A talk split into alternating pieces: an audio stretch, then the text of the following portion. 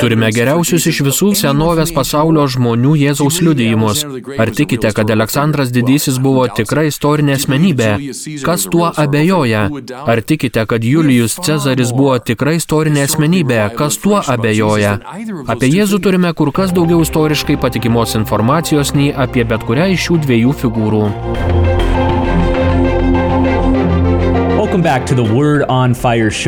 Sveiki sugrįžę į Ugnie žodžio laidą. Esu laidos vedėjas ir Word on Fire vyresnysis leidybos direktorius Brendonas Votas.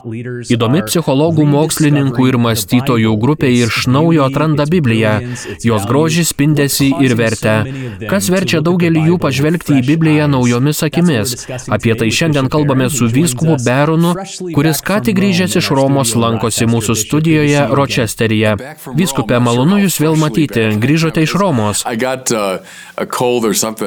Romoje buvau peršalęs, kaip tik dabar gydausi, todėl galite tai šiek tiek girdėti mano balse.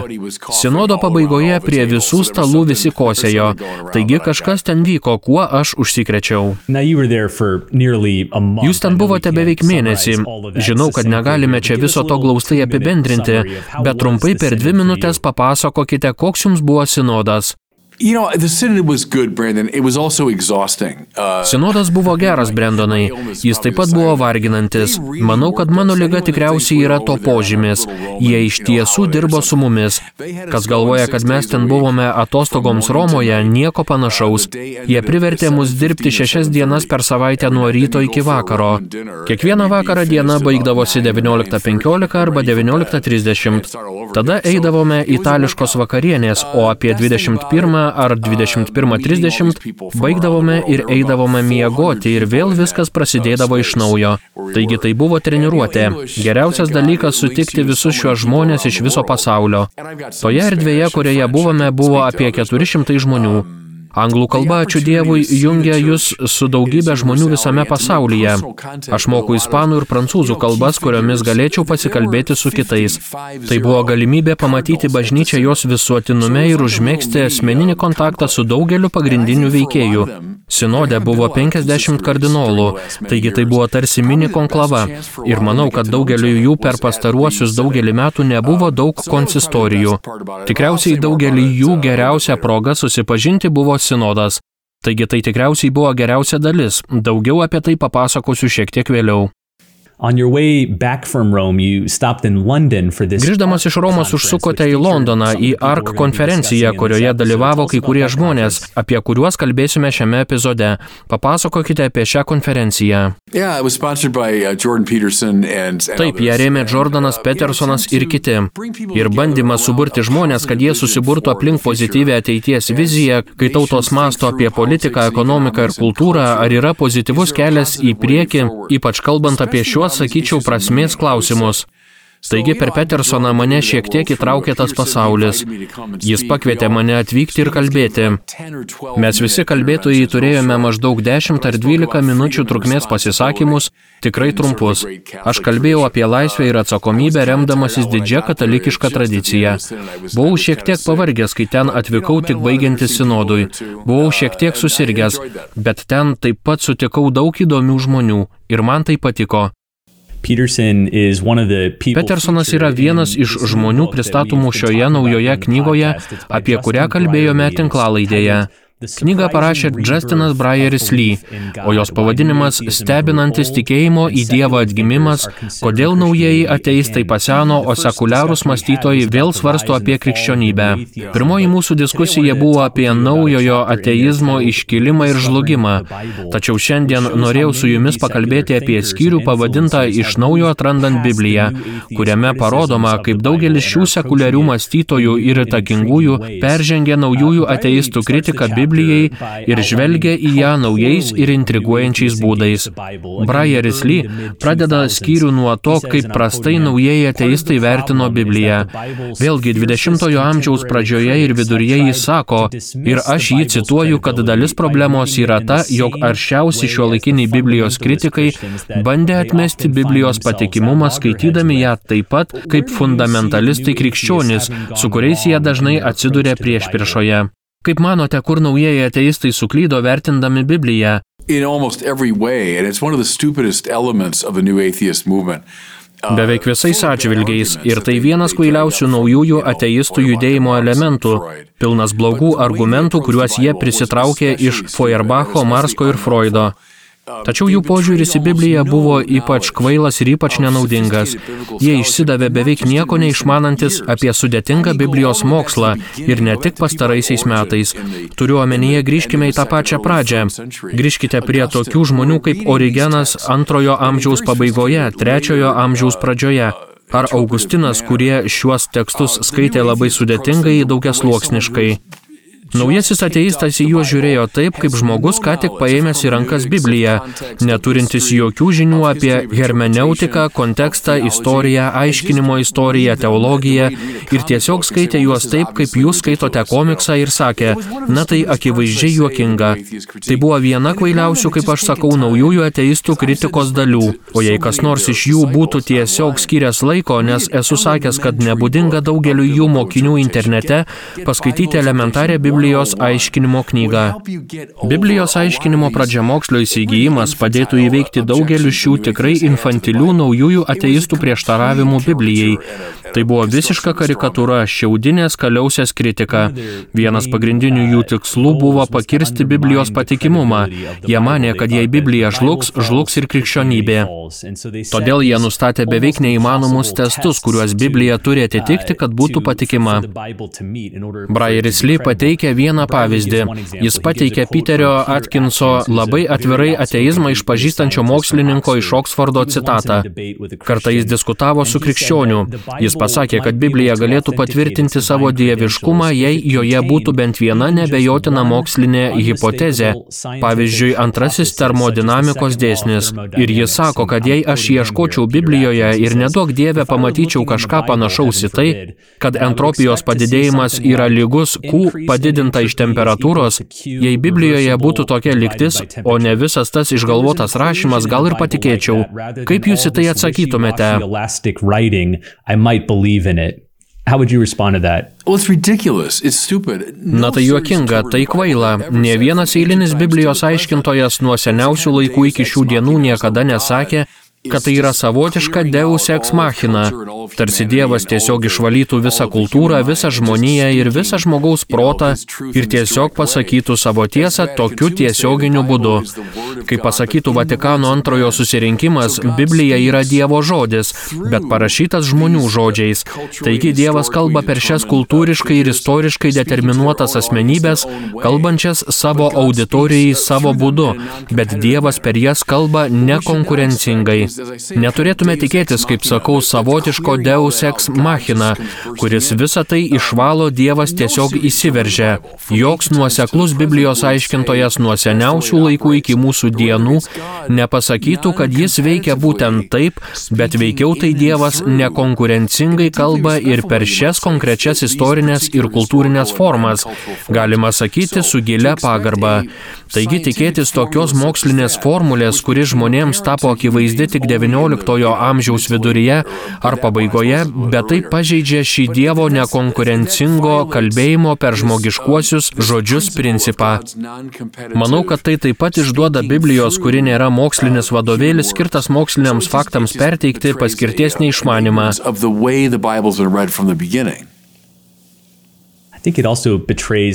Būtent tai nuolat tvirtina naujieji ateistai, jie kritikuoja pradžios knygos moksliškumą. Tiesa, bet tai nėra mokslinis tekstas. ir todėl visa tai praranda patikimumą. Džordžas Koinas, jėzuitų kunigas ir mokslininkas, kadaise tai išdėstė tiesiog sakydamas, štai žiūrėkite, paskutinė Biblijos knyga, tarkime Jono Evangelija, arba parašyta apie šimtuosius mūsų eros metus, pirmosios tinkamai mokslinių metodų parašytos knygos knygos parašytos kažkur 16 amžiuje. Štai čia yra atotrukis. Kitaip tariant, niekur Biblijoje nerasite mokslinės literatūros. Tai nėra mokslinė knyga. Ji nėra sąlygota tos literatūrinės formos ar tos episteminės paskirties. Taigi sakyti, kad Biblijos moksliškumas yra blogas, yra tiesiog kvaila kategorijos klaida. Mes turime reikalą visai ne su mokslu, o su kažkuo kitu. Gerai, taigi parodęs, kaip naujieji ateistai suklydo aiškindami Bibliją, Brairis Lee pristato grupę, kurią jis vadina naujaisiais mąstytojais, kurie į Bibliją žvelgia kur kas įdomiau, prieš priešindamas juos naujiesiems ateistams. Jie pateikia keletą pavyzdžių, noriu apie juos pakalbėti. Vienas iš jų yra Jonathanas Haitas. Haitas yra socialinis psichologas. Jis yra kelių bestsellerių autorius, tarp jų Teisingas protas ir Amerikos proto sutramdymas. Tačiau būtent atlikdamas tyrimą savo knygai Laimės hipotezę, Haitas įvertino Bibliją kaip jo paties žodžiais tariant vieną turtingiausių kada nors sukauptų psichologinės išminties saugyklų. Jis sakė, aš buvau standartinis Amerikos mokslinis ateistas žydas, nebuvau linkęs mėgti religijos, tačiau rašydamas šią knygą supratau, kad religija yra žmogaus prigimties dalis. Amerikoje praktikuojamos religijos daro žmonės geresnius. Jos jungia juos į bendruomenės, kurios stengiasi moraliai pakelti vieni kitus. Kai visi naujieji ateistai rašė bjaures knygas apie religiją ir Bibliją, sakydami, kad tai netiesa, aš sakiau, kad iš tikrųjų čia yra daug išminties. Ką manote apie Jonathano Haito požiūrį? Jonathan Haidt's approach. He's getting closer. So you've got these um, kind of Jis priartėja. Taigi jūs turite tokius paprastus Biblijos atmetimus, kurie grindžiami visišku jos prigimties ir paskirties nesupratimu. Dabar su tokiu žmogumi kaip Haitas jūs prie to priartėjate. Jis nei iš tolo nepriartėjo prie to, ką mes vadiname Dievo apreiškimu, Dievo tikslų, išganimo, istorijos ir kitų dalykų supratimu. Tačiau jis iš tiesų mato tai, ką galima pamatyti. Biblijoje, kaip jis sako, iš tiesų yra sukaupta išmintis apie gyvenimą, žmonių santykius ir psichologinę raidą. Bažnyčios tėvai tai laikytų viena iš šventojo rašto prasmių. Jie tai vadina antropologinė arba moralinė prasme. Mes šiandien galėtume sakyti etinė prasme arba psichologinė Biblijos prasme, kad galima pažvelgti į didžiuosius pasakojimus apie Joną, Nojų, Abraomą ar Mozę ir iš jų išgauti daug išminties apie žmogaus prigimtį, žmogaus protą, žmonių santykius. Pagalvokite apie tokį žmogų kaip Tomas Manas, kuris parašė 1500 puslapių romaną, paremtą Juozapo ir jo brolių istoriją. Štai 20-ojo amžiaus rašytojas giliai susitelkęs į psichologinį aspektą ir radęs visą šį turtingumą Biblijoje. Gerai, jį ten galima rasti. Ir dabar jūs priartėjate prie tinkamo biblinės literatūros skaitimo, nes manau, kad ji tam tikrų mastų atitinka tą psichologijos, humanizmo, netgi dvasingumo plačiaja prasme žanrą. Manau, kad žmogus artėjantis prie krikščionybės dar nėra pasiruošęs aukštam pilotažui, bet vis tiek gali pajusti oho, užčiuopti kai kurias amžinasias dvasinės temas. Žinoma, visa tai yra. Ir jis įžengia į pagonių kiemą, jei taip norite pasakyti. Jis ne tik mėto akmenis į šventyklą, jis pateko į šventyklą ir mato dalykus, kurie ten turi būti matomi. Dabar aš jam pasakyčiau, eikite toliau. Apie Bibliją sužinosite vis daugiau ir daugiau. Jonathan. Na panašiai kaip Jonatas Haitas, taip ir mūsų draugas Jordanas Petersonas, žinomas psichologas ir lektorius, Bibliją laiko psichologinio genialumo šaltiniu, ypač dėl to, kaip joje aprašoma žmogaus būklė, blogis, kančia. Dabar Jordanas nėra atsidavęs krikščionis, nors ką tik išgirdome nuostabę žinę, kad jo žmona Temi netrukus įstos į bažnyčią. Garbė Dievui. Tačiau Jordano nuostaba ir entuzijazmas Biblija atrodo auga su kiekvienais metais ir jis padeda milijonams kitų žmonių pirmą kartą atrasti Bibliją. Tiesą sakant, man labai patinka šis mažas anegdotas iš Brajerio Lee knygos. Jis mini jaunuolį vardu Danielis Džeimsas. Danielis paauglystėje save apibūdino kaip užkietėjusi anarchistą ateistą, tačiau neseniai buvo pakrikštytas katalikų bažnyčioje. Danielis pasakojo, kad jaunystėje mane, jog Biblija yra kvaila knyga. Jis vadovavosi Lorenzo Krauso apibūdinimu, kad Biblija yra knyga, kurią parašė neišmanėliai bronzos amžiaus valstiečiai. Tačiau, sako jis, kai pradėjo žiūrėti Petersono Biblijos paskaitas, jį tai pribloškė ir aš jį čia cituoju. Jis sakė, niekada nesu girdėjęs, kad apie Bibliją būtų taip kalbama. Jordanas iš tiesų atvėrė duris suprasti, kad taip, ją parašė žmonės gyvenę epochoje prieš mokslą, bet jie jokių būdų nebuvo neišmanėliai. Man patinka vyskupė, kad tai parodo, kaip pati Biblija tampa nauja evangelizacijos priemonė. Matome, kad žmonės ateina į tikėjimą per Bibliją, o tai buvo ne visada.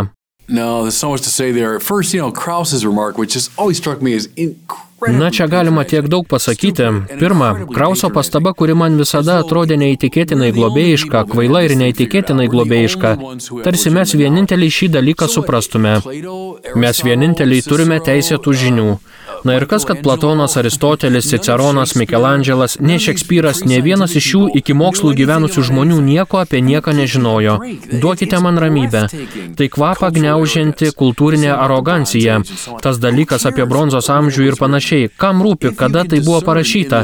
Jei šiame tekste galite išvelgti didžiulę tiesą ir išminti, kurią akivaizdu vakarų tradicija turi, tikriausiai kiekvienas svarbus veikėjas iki pat šių laikų iš Biblijos sėmėsi didžiulio įkvėpimo, išvalgų ir panašiai.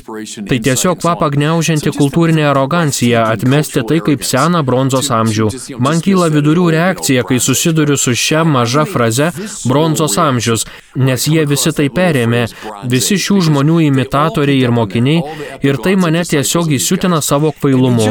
infuriates me with its stupidity. Taigi tai mano pirmoji pastaba. Koks buvo kitas dalykas, Brendonai, nes aš ten įsivėliau į savo polemiką.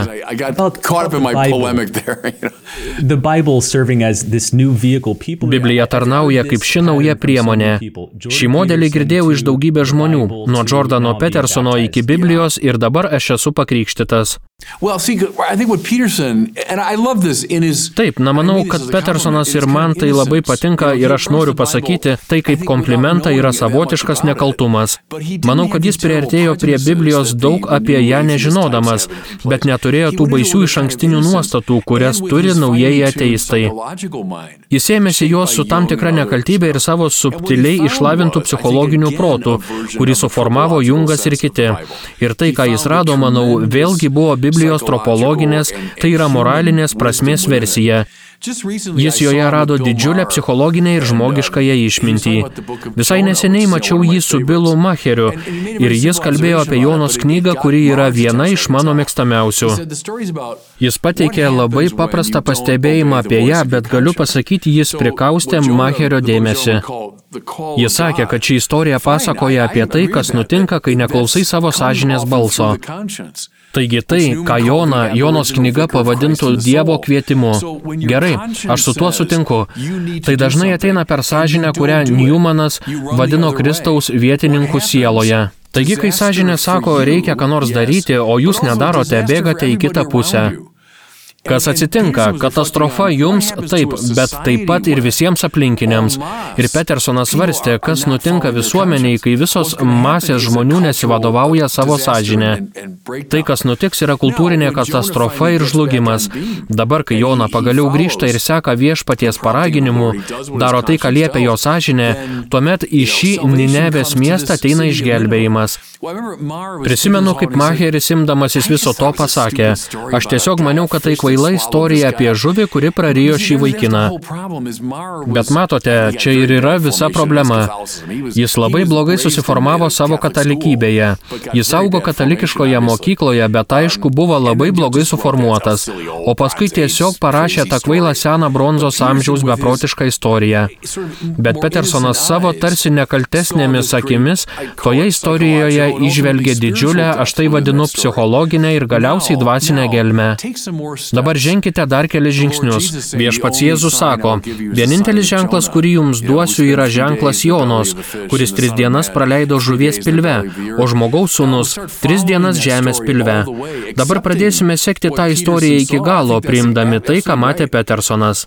Manau, kad tai visiškai teisinga. Dabar teskite toliau. Toliau eikite per visas rašto prasmes.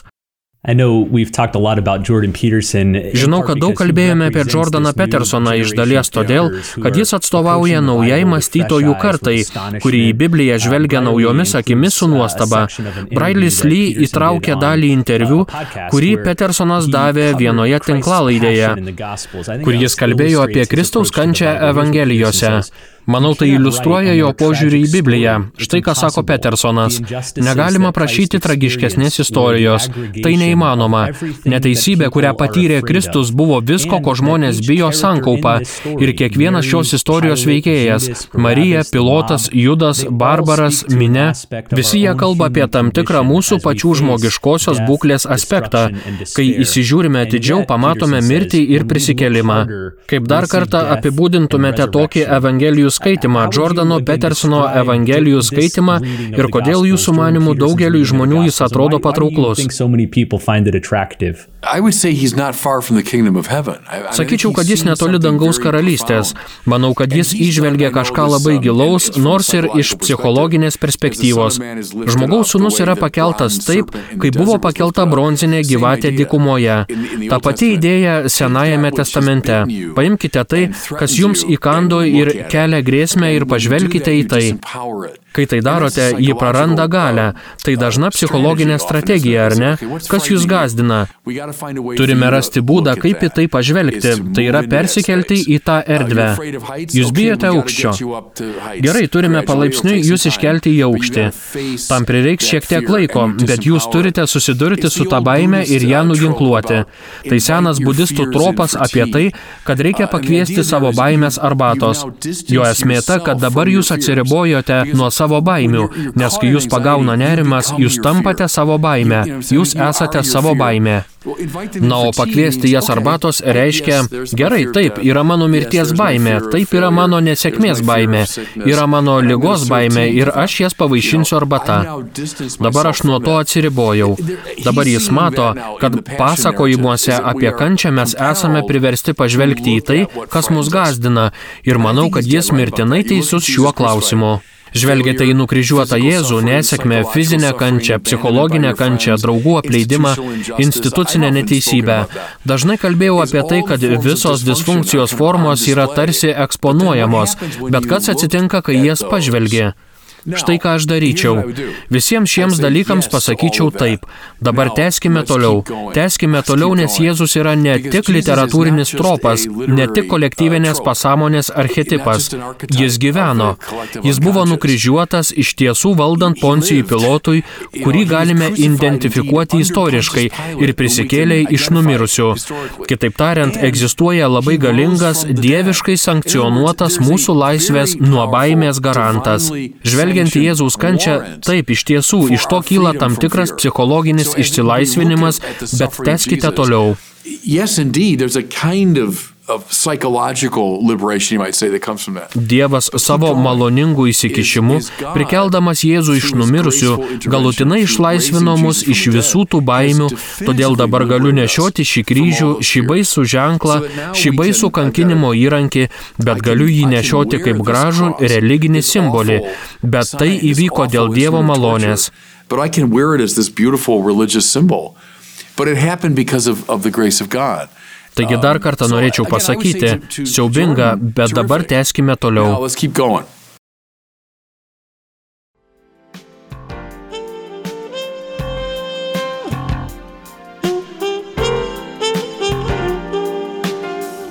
Likite su Marijos radiju.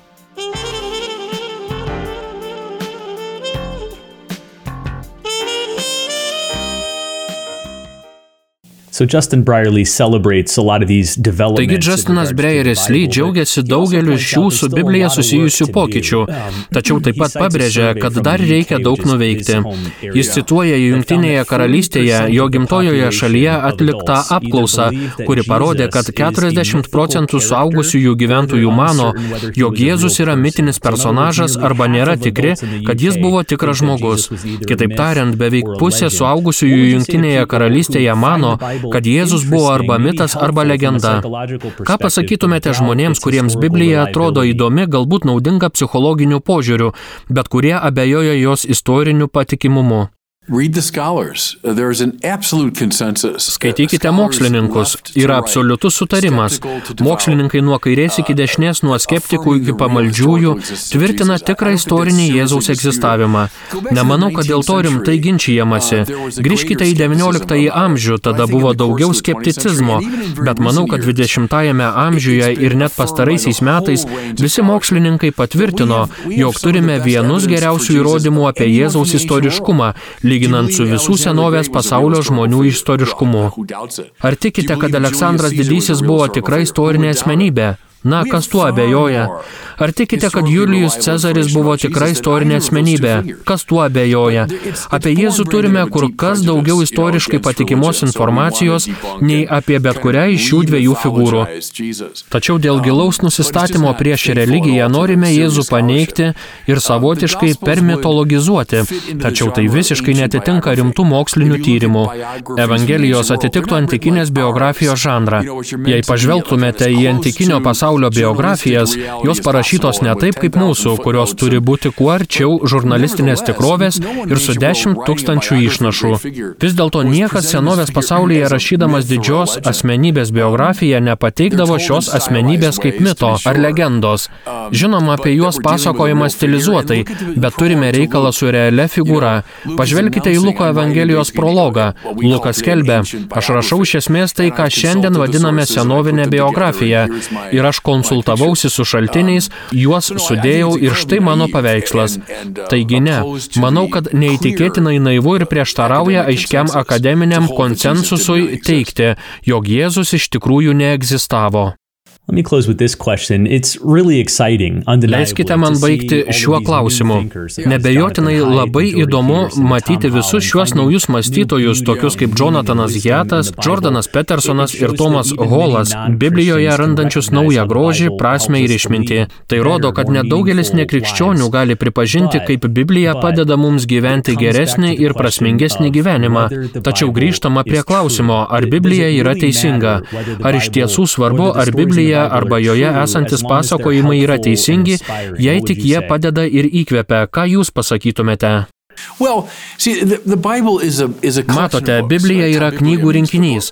Ta Biblija reiškia knygos, tai daugiskaitinis daiktavardis. Todėl manau, Biblijoje iš tiesų yra dalykų, kurie yra artimesni tam, ką mes vadintume tiesioginė istorija. Jūs turite patarlių literatūrą, jūs turite psalmes, kurios yra eilėraščiai arba giesmės. Yra epistolinė literatūra, pavyzdžiui, Pauliaus laiškai. Yra apokalipsė, kuri yra atskiras žanras. Jūs turite net tam tikrą pasaką. Manau, kad Jona tiktų šiai pasakų kategorijai. Taigi tai įvairių literatūros stilių ir žanrų mišinys. Vienas svarbiausių dalykų, kurių mus išmokė Vatikano antrojo susirinkimas, buvo tai, kad žvelgiant į Bibliją, pirmiausia reikia užduoti klausimą, su kokiu žanru turiu reikalą, koks tai tekstas. Nesimkite Biblijos su vienu gremėsdišku aiškinimo lešiu, kad visa tai turi būti pažodinė istorija. Na ne, tai įvairių žanrų kūriniai. Viskas, kas parašyta Biblijoje, yra tiesioginė tiesa. Na, o kaip dėl teologinio, kad Dievas yra uola, kalbant apie Dievą vartojama daugybė metaforų, poetinės kalbos. O kaip dėl Dievo vaikščiojimo ant vėjo sparnų ir panašiai. Kaip Dievas vaikšto po sodą. Na, niekas nemano, kad tai pažodiniai apibūdinimai, kad Dievas turėtų kūną ar panašiai. Taigi būkime atidus ir brendonai, net ir atskiroje Biblijos knygoje paimkime Paimkime pavyzdžiui pradžios knygą. Yra įvairių žanrų ir mes turime būti jautrus tam. Manau, kad tai yra vienas svarbiausių dalykų susijusių su Biblijos aiškinimu. Jūs turite reikalą su biblioteka, o ne su viena knyga parašyta vienu žanru. Jei galėčiau dar šiek tiek paspartinti šį klausimą ir susiaurinti jį iki Evangelijų, nes manau, kad būtent čia mane labiausiai intriguoja tai, kad tokius žmonės kaip Hiatas ir Petersonas žavi Jėzaus asmuo kaip psichologinis simbolis ar Jėzaus archetipas. Ar tai svarbu, ar Jėzus iš tikrųjų egzistavo, ar jis iš tikrųjų prisikėlė iš numirsių ar ne. Nebejotinai, nes vėlgi pereikime prie žanro klausimo. Koks Evangelijų žanras? Tai senovinė biografija. O senovinės biografijos neprekiavo legendinę mitinę medžiagą. Ir pačiame tekste yra visokių vidinių užuominų. Ir tada pirmųjų krikščionių liudyjime, kad jie žinoma turi reikalą su realia figūra, su jie nutikusiais dalykais ir panašiai. Taigi kas be galo svarbu? Jei Jėzus tampa tiesiog archetipu, kaip tai daro pavyzdžiui Kantas ir aš visada maniau Jordano Petersono mokyme, Esu apie tai rašęs, esama tam tikros kantiškos tendencijos redukuoti Jėzų iki Dievui tobulai patinkančio asmens archetipo. Tai kanto kalba. Taigi jis yra literatūrinis tropas, archetipas. Ir iš to galime išvesti įvairias svarbes moralinės tiesas. Bet ne, be galo svarbu, kad Jėzus buvo ir iš tiesų yra tikras asmuo. Indeed is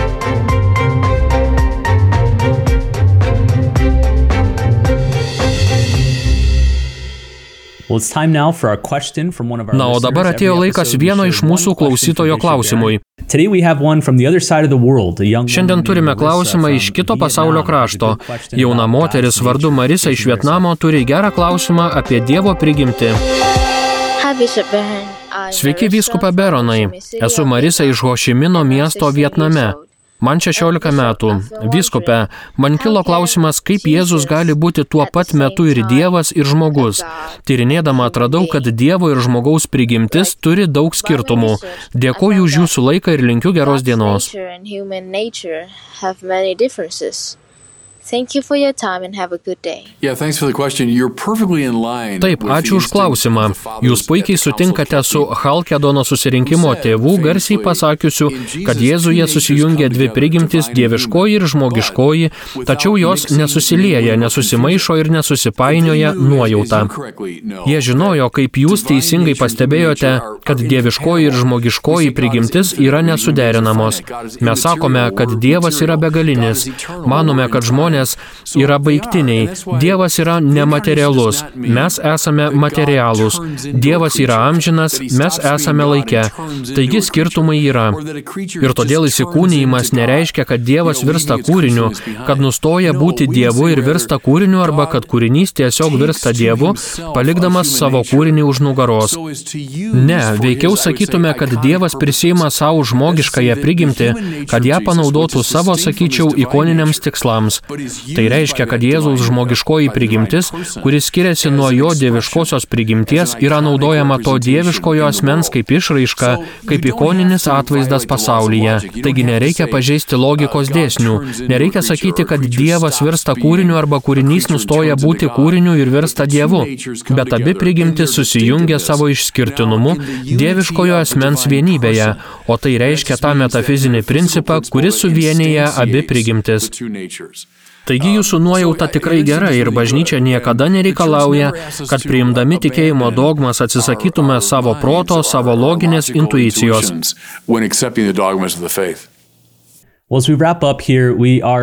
Na, o čia baigdami džiaugiamės, galėdami pasidalyti su jumis nauja knyga iš mūsų knygų is skaitytojams leidyklos Word on Fire Spark Imprint.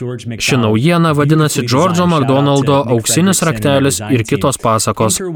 Gražiai fairyland Dėkojame Nikui MacDonald. ir mūsų dizaino komandai.